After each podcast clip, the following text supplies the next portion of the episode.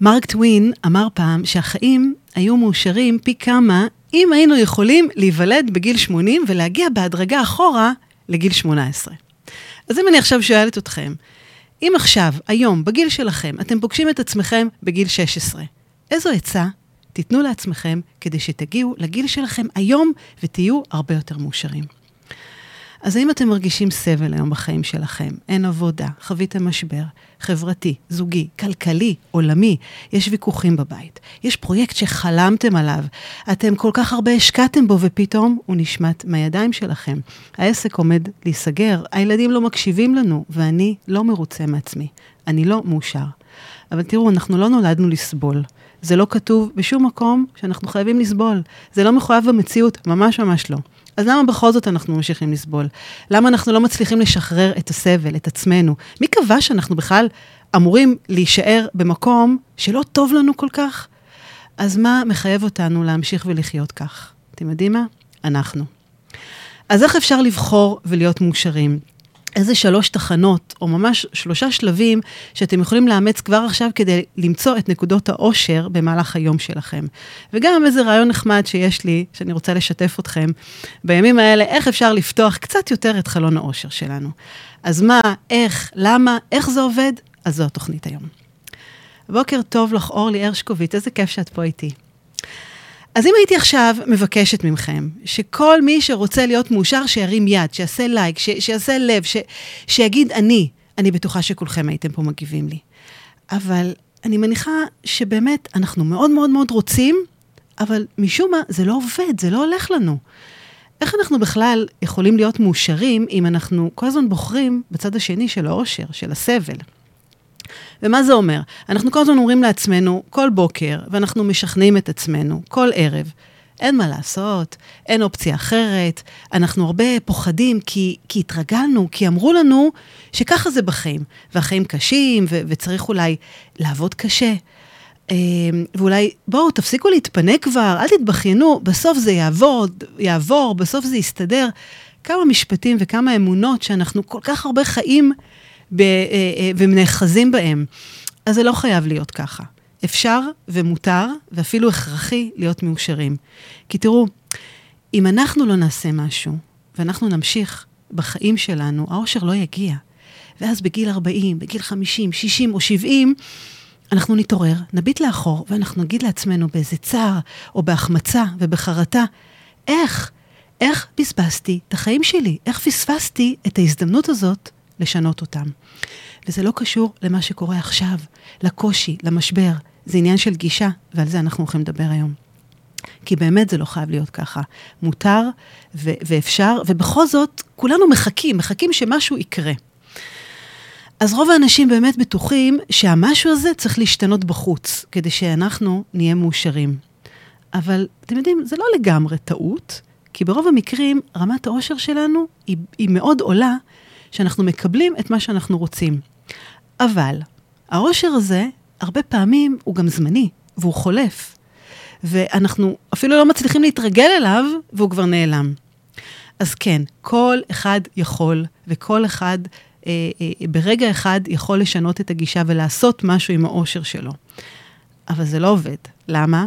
כי אנחנו לא תמיד מוכנים. למה? כי יש לנו מחירים. יש מחירים שאנחנו לא תמיד מוכנים לשלם אותם.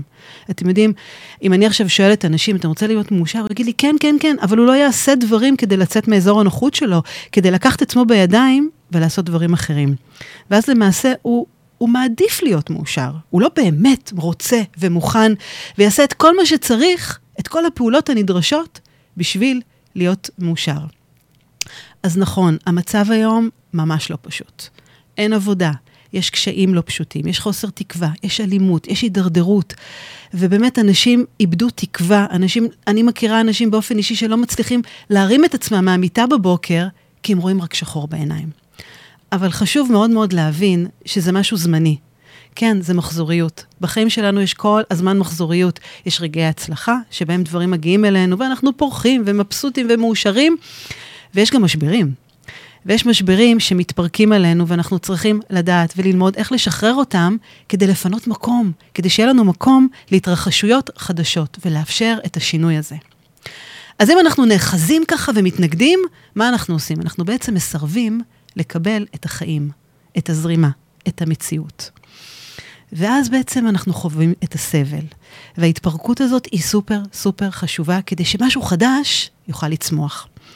עכשיו תראו, מחזוריות אחת לא יכולה הרי להתקיים בלי מחזוריות אחרת. זה אומר שחייבים, חייבים להיכשל וחייבים לחוות את כל המשברים האלה, ואובדנים וכאב כדי להגיע להצלחה. וכן, גם היום, בתקופה הזאת שאנחנו נמצאים, כן, אנחנו חייבים לעבור וללרות באמת מה השיעור שיש פה, ולהבין מול מה אנחנו מתמודדים ואיך אנחנו בוחנים את עצמנו מחדש. כן, מחשבים מסלולים מחדש ומסתגלים למציאות החדשה, כי אנחנו כבר לא נחזור לשגרה. אנחנו כבר לא חוזרים לשגרה, אנחנו כבר ממשיכים משהו אחר ומשהו חדש.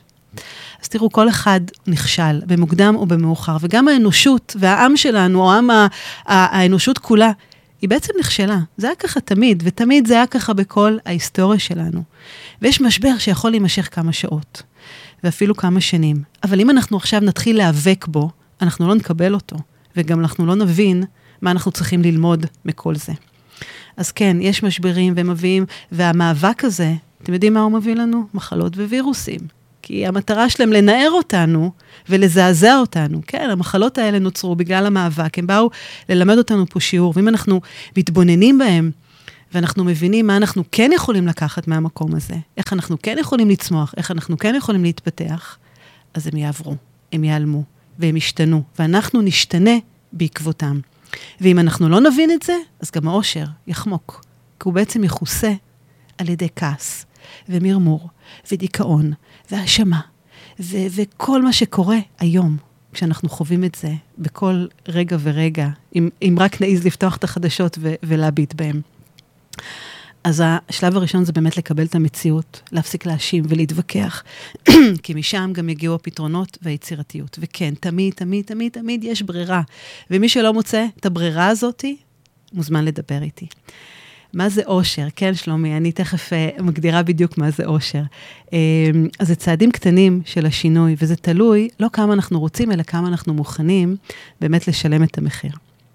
אז תראו, אני, כשפרסמתי את, ה, את הפוסט ככה באמת אה, על התוכנית הזאת, אז אני קיבלתי לא מעט תגובות, אה, איך אפשר להיות מאושר כשאין לך כלום. ואלכס פטרשק רשם, אם יש מצב שיש לנו הכל, או, או גם כלום זה משהו, אז אין דבר כזה, אין לי כלום, תמיד הרי יש משהו. ואני מניחה שאתם כולכם תסכימו איתי, כשאנחנו נמצאים באיזה תוהו ובוהו ובמשבר ובכאוס, אנחנו לא רואים שום נקודת אור. הכל נראה לא טוב. אם אין לנו פרנסה, ואנחנו עצבנים, ו- ואנחנו מתווכחים כל היום בבית, ולא הולך לנו עם הילדים, והם לא מקשיבים לנו, הכל נראה שחור. אין לנו שום נקודת אור שאנחנו יכולים להאחז בה. והיה אה, גם באמת אה, התייחסות של...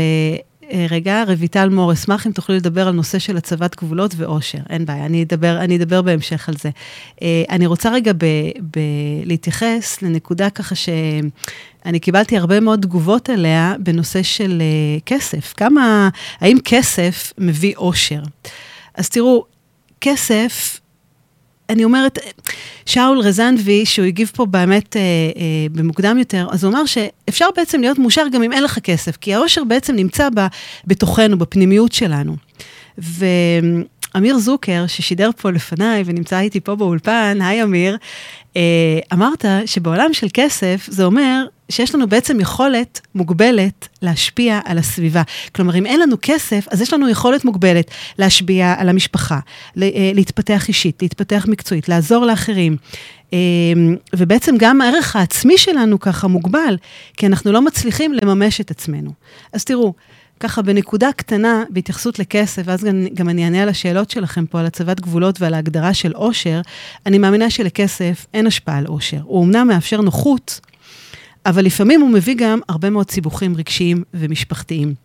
למה? כי אנחנו בני אדם. אנחנו מתרגלים הרבה פעמים גם לטוב ולנוחות שהכסף שלנו מביא. אבל תראו למשל את הילדים שלנו, אנחנו מביאים להם עכשיו אה, נעלי התעמלות חדשות, אחרי כמה זמן הם כבר רוצים מותג חדש.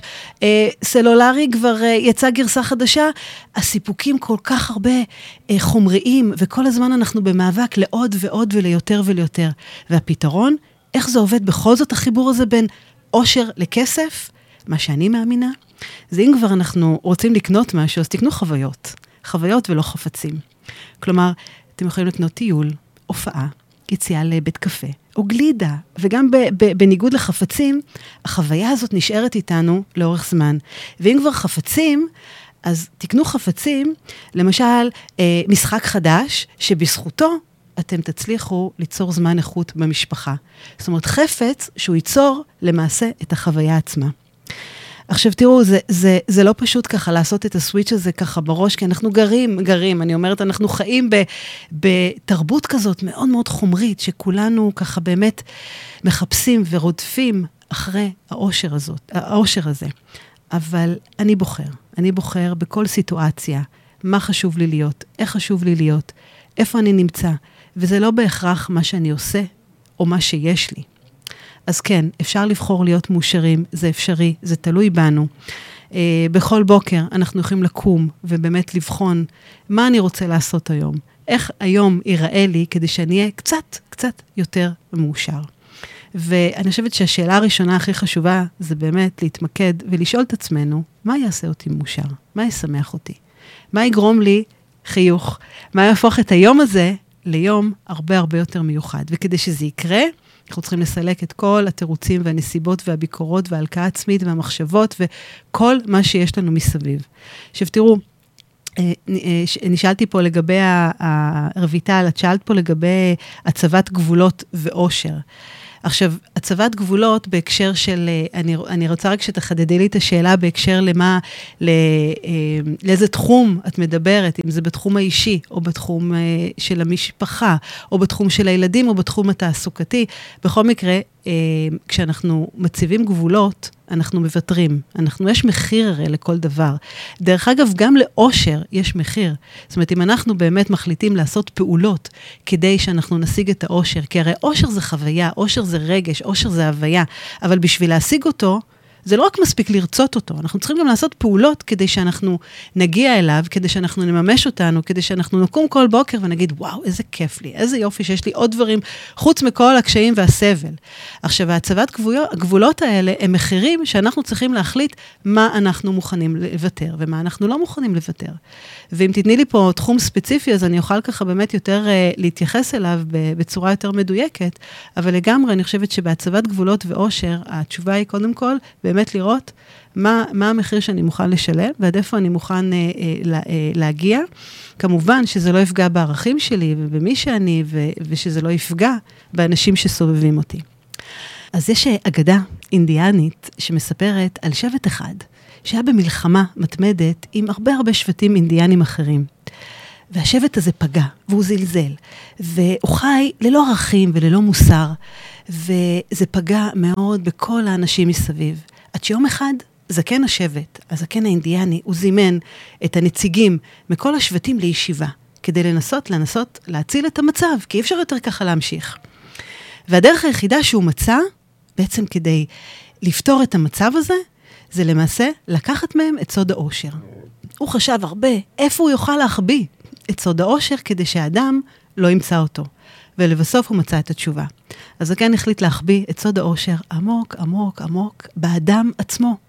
כן, המקום היחיד שאנחנו לא נחשוב לחפש בו. והאגדה מספרת שמאותו יום, אנחנו, האנשים, האדם, אנחנו חופרים ומחפשים את מקור האושר, למרות שהוא נמצא וחבוי כבר עמוק, עמוק, עמוק בתוכנו. כן, הוא נמצא, כל מה שנותר לנו בעצם זה להתבונן פנימה, לפתוח את הדלת, להושיט יד ולהשאיר את הדלת לרווחה. אז תראו, אנחנו יכולים לגדול עם כפית כסף ויהלומים בפה ולשנוא את העולם, ואנחנו יכולים גם לבוא מבית הרוס ולבנות את עצמנו ל- ל- באמת לתפארת, כי אתם אלה שמייצרים את האושר ולא אף אחד אחר. והאושר הזה, הוא לא יגיע אם נהיה יותר רזים, או שיהיה לנו יותר כסף. האושר גם לא יגיע מאנשים אחרים, אפילו מהבן, בת זוג שלנו. כי אם אני לא אפמפם את שמחת החיים שלי כל יום ויום, ואני לא אהיה אופטימית ומאושרת, שום דבר חיצוני לא יחזיר לי את הברק בעיניים. אז אי אפשר לרדוף אחרי אושר, כי אם אנחנו רודפים אחרי משהו, זה אומר שהוא בורח מאיתנו. אנחנו צריכים להביא את האושר אלינו. איך? באמצעות מחשבות, באמצעות תשוקה, באמצעות אהבה. כן, כי הוא לא, הוא לא, הוא לא ייפול לנו אה, מלמעלה. וכן, זה שינוי גישה. אז מה זה בכלל אושר? זה מה זה, מה זה אושר, ואיך אנחנו כל פעם אנחנו נופלים למלכודת החשיבה הזאת, איך אני אהיה מאושרת? מה אני צריכה לעשות בשביל להיות מאושרת? כי למעשה זה סוג של בור ללא תחתית, כי אני לא באמת יודע מה לעשות כדי להיות מאושר. עכשיו, אתם יודעים, יש מחקרים כל כך רבים, ויש איזה מודל מאוד יפה של, אה, שאני מאוד אוהבת, של פרופסור אה, דניאל אה, קליינמן, שהוא בעצם מבחין בין האושר שלנו כחוויה, לאושר שלנו כזיכרון. כלומר, מה יש לי בחיים היום, או שאין לי. זאת אומרת, יש לי או אין לי זוגיות, יש לי או אין לי עבודה, יש לי או אין לי חברים, לבין איך אני מרגישה בחיים שלי, ברגע הזה, כאן, עכשיו. מה אני מרגישה שאני עכשיו יושבת פה ומשדרת ונמצאת איתכם ומקשיבה לכם, ורואה מי נמצא איתי ועונה לשאלות שלכם. מה אני מרגישה באותו רגע? ומה אני מרגישה אחר כך שאני אלך למשרד ושאני אכנס לרכב וכולי וכולי. והדרך באמת לקחת את האושר הזה, את הרגש הזה, את ההוויה הזאת, כי אושר זה סוג של הוויה, זו תחושה שאנחנו מרגישים שממלאה אותנו. כי הרי רגש זה משהו שאנחנו מרגישים בגוף, ואושר אפשר להרגיש אותו בגוף. תחשבו על זה כשאתם מאושרים. איפה זה מרגיש לכם בגוף? איך אתם מרגישים פה? האם הלב שלכם פה הם בחוזקה? האם הלחיים שלכם סמוקות? האם העיניים שלכם אה, אה, אה, זורחות? מה יש באושר הזה פתאום ש, שהופך אתכם למחויכים יותר, לאופטימיים? איך האנרגיה שלכם פתאום עולה? איך הכל פתאום מתחיל להשתנות, ו, והתנועות גוף והשפת גוף וכולי. והדרך להתקרב לאושר, אה, אמר אה, יורם יובל באחד הפודקאסטים שלו, הוא סיפר ש... אה, שהוא עשה מחקר על, על האושר, וזה השפיע מאוד מאוד על החיים שלו, והדבר שהכי השפיע על החיים שלו, זה הבנה מדהימה ומשמעותית. זה הבנה שאושר זה לא רק חוויה, אושר זה פעולה. אושר זה פעולות, ואושר בא לידי ביטוי בפעולות שאנחנו שמים את, ה, את הדגש עליהן. עכשיו, תראו, הרבה פעמים אנחנו אומרים, אושר זה תחושה ואושר זה רגש, כן, זה גם. אבל הדגש פה הוא לא על הרגש, על המעשה. אז כמה אתם אומרים לעצמכם, יו, כמה התרגשתי, יו, ריגשת אותי, איזה יופי, וכמה אנחנו באמת מתייחסים לפעולה עצמה שבאמת מביאה לנו את האושר. על זה, דרך אגב, פעם אה, אמר היוצר של אה, הסדרה בטיפול, חגי לוי, שבפסיכולוגיה של היום שמים יותר דגש על לחיות טוב, ולא שמים מספיק דגש על להיות טוב. זאת אומרת, חשוב לחיות טוב, אבל אומרים שנחיה טוב אם יהיה טוב. ופה באמת יש את הפרדוקס הזה, שהוא קצת בעייתי. אז uh, עוד נקודה, דרך אגב, שמונעת מבעדנו להיות מאושרים, זה ההשוואה הזאת שאנחנו עושים uh, לאחרים. והאם אני מאושר יותר מהחברים שלי? האם אני מאושר יותר מהמשפחה שלי? מהאנשים שאיתי בעבודה? תכלס, זה לא ממש ממש משנה. יש אה, הוגה צרפתי, אה, מונסקיה וולטייר, שהוא אמר את זה לפני יותר מ-350 שנה. הוא אמר, אם רק היינו רוצים להיות מאושרים, זה הקל. אבל אנחנו רוצים להיות מאושרים יותר מאחרים, שזה מאוד מאוד קשה, כי אנחנו בעצם חושבים שהם מאושרים יותר ממה שהם באמת. ופה באמת יש פרדוקס. עכשיו תראו, אני התייחסתי קודם על הנקודה הזאת של הקשר בין כסף לאושר. ותשימו לב כמה העושר הזה, אנחנו תולים אותו באנשים אחרים. כי לפעמים, באמת, זה לא משנה כמה החיים שלכם טובים, מה שמשנה זה איך אתם תופסים ורואים את החיים של האחרים.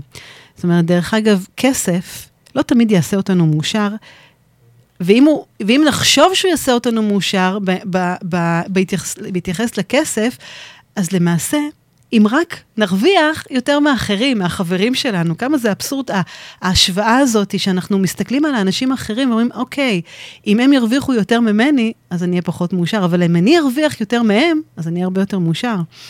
עכשיו, יש איזה מחקר בריטי באמת שגם אמר, שהוא מצא שלא משנה כמה כסף יש לך, אם יש לאנשים בסביבה שלך הרבה יותר, אז אתה לא תהיה מאושר מספיק. והפתרון זה הנושא של האבנים הגדולות.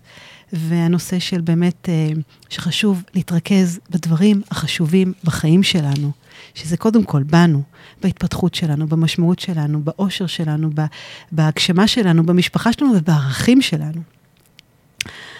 אז מה הם שלוש תחנות בדרך אל האושר? אוקיי? אנחנו רוצים לפתוח את החלון הזה של האושר ולהכניס אותו קצת קצת יותר לחיים שלנו. ובשביל זה יש לנו שלוש תחנות שחשוב לעבור בהן. סליחה. התחנה הראשונה זה קודם כל הבנה.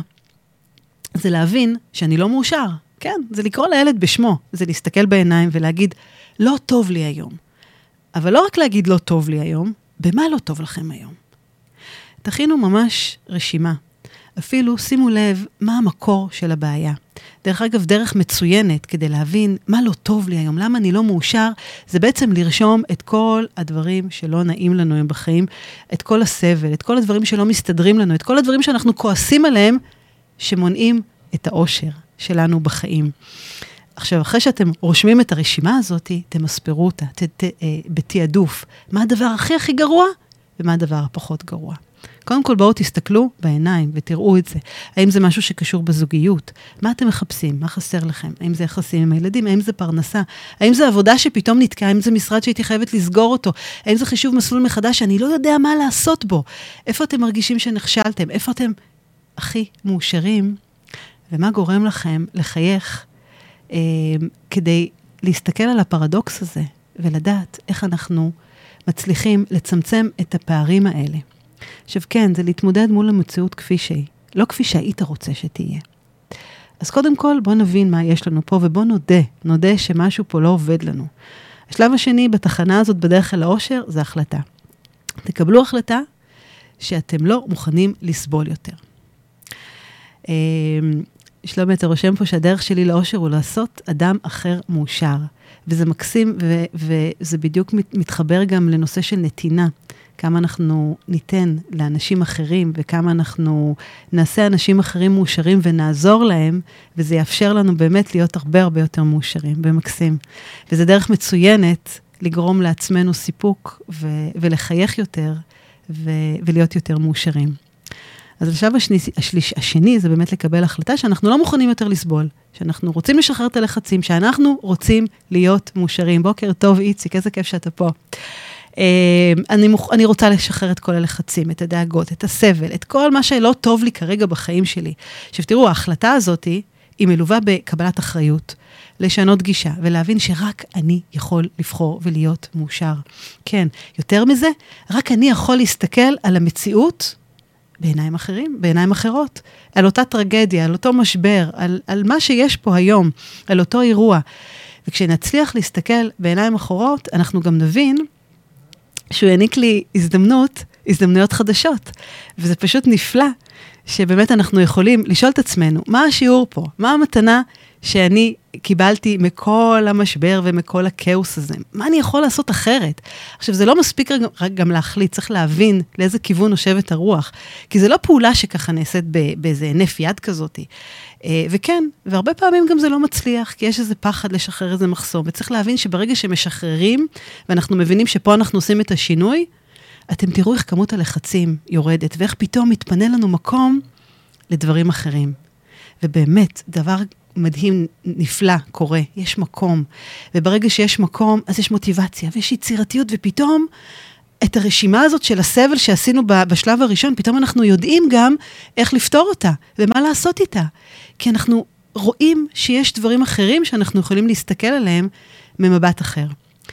התחנה השלישית זה פעולה, עשייה. אושר זה לא רק חוויה, אושר זה גם פעולות שאנחנו נדרשים לעשות כדי להגיע אליהם. עכשיו תראו, כמו שהתחלתי את התוכנית ואמרתי שבאמת אנחנו כרגע נמצאים בשלושת שבועות שבין י"ז בתמוז ועד לתשעה באב, ואנחנו מתאבלים על חורבן ירושלים וחורבן בית המקדש, ויש הרבה פעולות שניתן לעשות בזמנים האלה במיוחד, למען התקווה, ולמען האמונה, ולמען השמירה הזאת על האיפוק, שזה אומר פחות לשפוט, ויותר לאהוב אחד את השני, ויותר למצוא את המעלות של האדם האחר במקום לשפוט אותו. אני, אני מניחה שאתם, אה, ש, שאתם מרגישים, אה, לפחות אה, חלקכם מרגישים כמוני, שהיום התחושה היא כמו איזה סיר לחץ, שכל דבר קטן מטריף אנשים אחרים. אני אתמול עמדתי באיזה תור להיכנס לאיזה בניין משרדים, והיה שם תור ארוך, והיה צריך להביא כרטיס של תעודת זהות. ועמדה מאחוריי אישה עם, עם, עם בעלה, והיא כל כך התעצבנה על האישה שהייתה לפניי, שלא מצאת תעודת זהות, וזה לקח לה קצת זמן. ואז היא אמרה, וואו, אין לי סבלנות היום, למה היא מתעכבת? למה זה ככה? והיה כזה טון כל כך לא יפה, ואז אותה אישה שהתעכבה, התחילה לריב איתה. ועל מה? על מה? על זה שעוד שתי שניות אנחנו יכולים רגע להתאפק ולא לשפוט.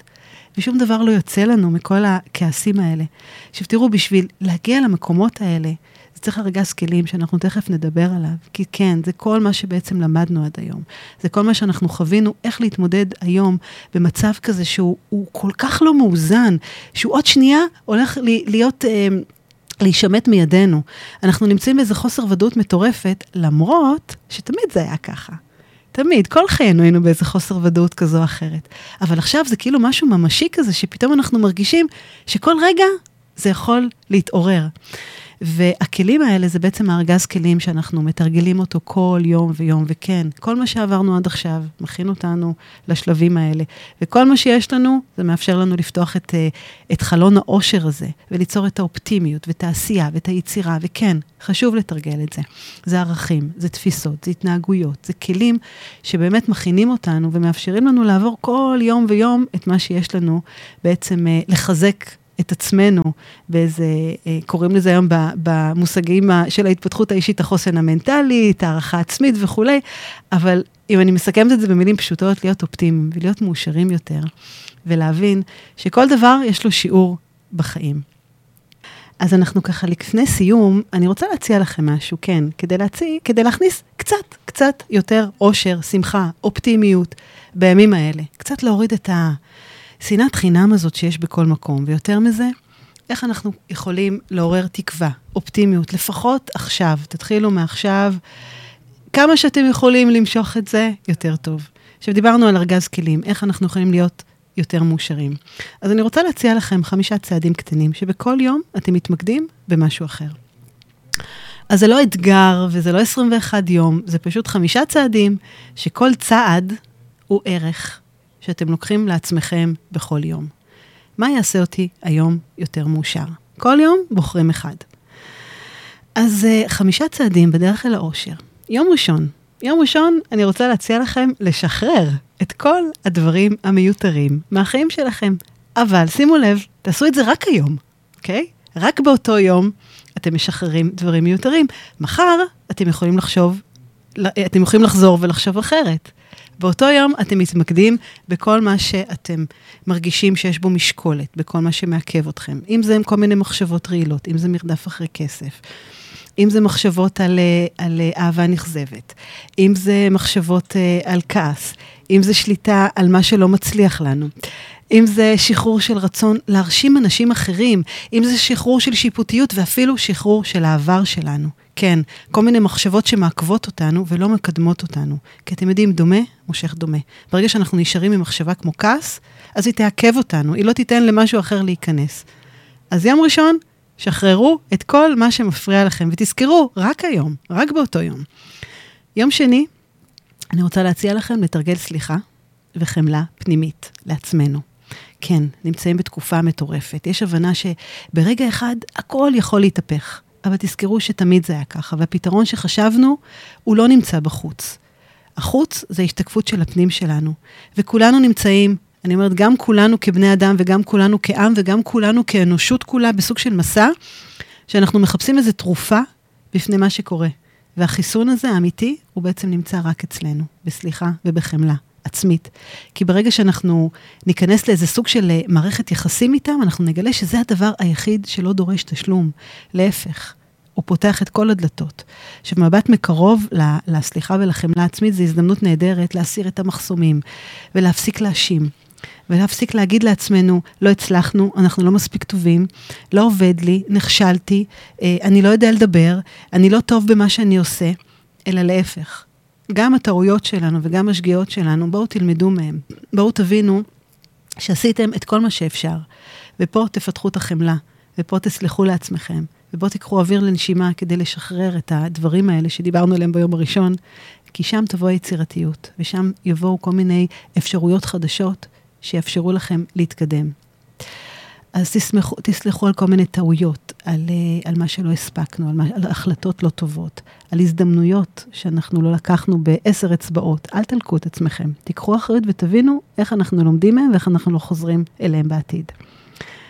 ביום השלישי, תגלו סליחה וחמלה כלפי אחרים. כן, תפרגנו יותר, תחפשו את המעלות של האנשים האחרים. ביום הזה, ורק ביום הזה, תחשבו על כל האנשים שגרמו לכם עוול, או כל האנשים שאתם גרמתם להם עוול, על כל הדברים הנוראים שקרו לכם בעבר, על כל הפעמים שכעסתם. תתרגלו את הסליחה הזאת כלפי הכל. תניחו לטינה, לאשמה, לאו אשם, אם זה אנשים, אם זה מדינה, אם זה עולם, אם זה כל דבר שנמצא מסביבנו. כן, תסלחו לכל מי שפגע בכם.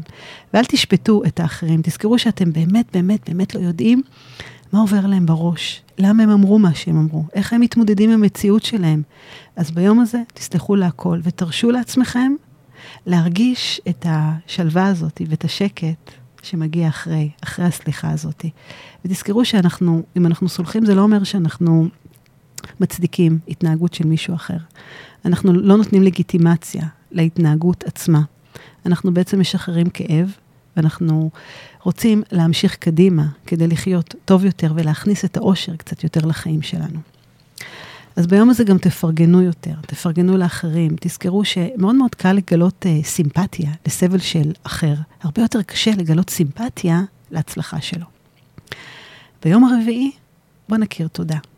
בוא נעריך דברים פשוטים, כי כשאנחנו נודה על הטוב, אז הוא יגדל בשפע, והוא יביא הרבה הרבה אמונה וטוב, ותקווה.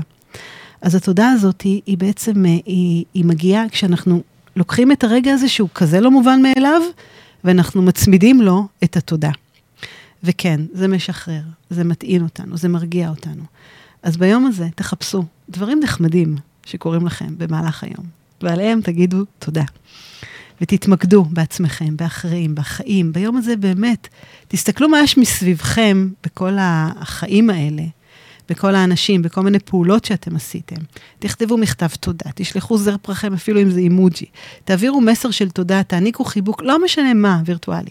וכל מה שאפשר אה, לאחרים לדעת שאתם אוהבים, מעריכים, מודים להם. וכן, היצירתיות יכולה פה באמת אה, להגיע לגבהים, תהיו ספונטניים, תהיו מלאי תודה. ביום החמישי, ושלומי זה מתקשר קודם למה שאתה אמרת, תרגלו נתינה. ביום הזה, תנו יותר ותצפו לפחות.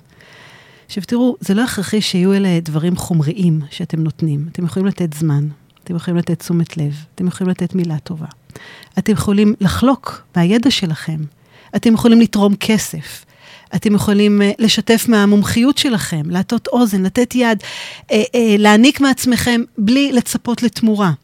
כי הנתינה הזאת זה אחד הדברים שכל כך משפיעים על האושר, על החיים שלנו. ואל תשכחו גם לצחוק, לחייך יותר, זה מגביר את הדרך אל האושר. והנתינה הזאת, זה באמת דבר שכל כך, כל כך, כל כך משמעותי. כי אה, זה אומר שבעצם אני פה בשביל האחרים, אני בשביל מישהו אחר, ותחשבו על זה, מה באמת יש לנו בחיים האלה חוץ מאנשים, ילדים, מבוגרים, רעיונות שאנחנו רוצים לטפח, אפילו משהו שאנחנו רוצים להשאיר אחרינו לאחרים. כן, לתת לאחרים. תמיד שואלים אותי מה, מה, מה הכי חשוב לי ב, בעשייה שלי, ואני תמיד מנסה להגיד שאני רוצה לתת ערך, אם זה בתוכניות שאני, שאני מעבירה, או אם זה בפוסטים שאני כותבת, או אם זה עם אנשים שאני פוגשת, ואני רוצה שמישהו יפיק מזה משהו, שמישהו יתקדם עם זה, וזה מה שעושה לי טוב, זה מה שעושה לי להיות מאושרת. אפילו אם עזרתי למישהו, אפילו אם אני לא יודעת מזה, ותחשבו על זה, לפני שאתם עוזרים למישהו, אתם בעצם עוזרים לעצמכם. כי זה ממש כיף ונעים לעשות משהו בשביל אחרים.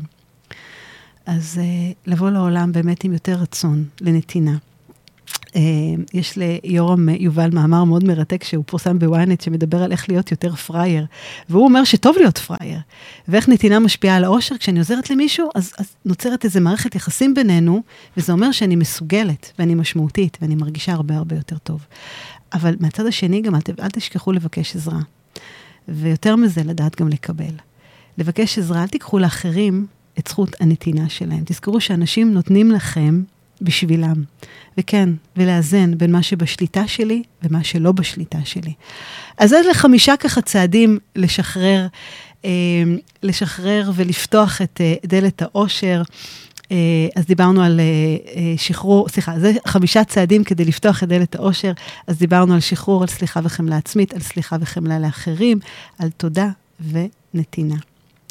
אז לסיום, תזכרו שאושר הוא מתקיים לא רק כשאנחנו מקבלים את מה שאנחנו רוצים, אלא גם כשאנחנו מצליחים לראות את הטוב במה שקיבלנו. תזכרו את שלושת התחנות, את ההבנה, את ההחלטה, את הפעולה. תבינו שכל השינוי הזה באושר מתחיל בכם ובפעולות שלכם. תבחרו, תחליטו, תחליטו להיות מאושרים גם ובמיוחד שקשה לנו. כי כן, הגישה הזאת היא לא רק תשפיע על כל אחד ואחד, היא תשפיע על כולנו, על כל העם הזה. אז תתרגלו כל יום ערך אחר. תודו, תסלחו, תגלו יותר חמלה, תיתנו, תממשו את הזכות הזאת שיש לנו. תודה שהאזנתם לעוד פרק בתוכנית סליחה יומיומית. אהבתם?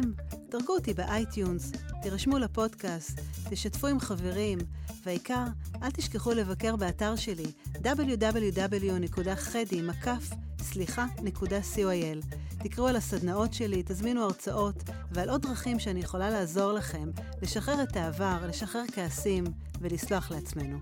אז נתראה בפרק הבא.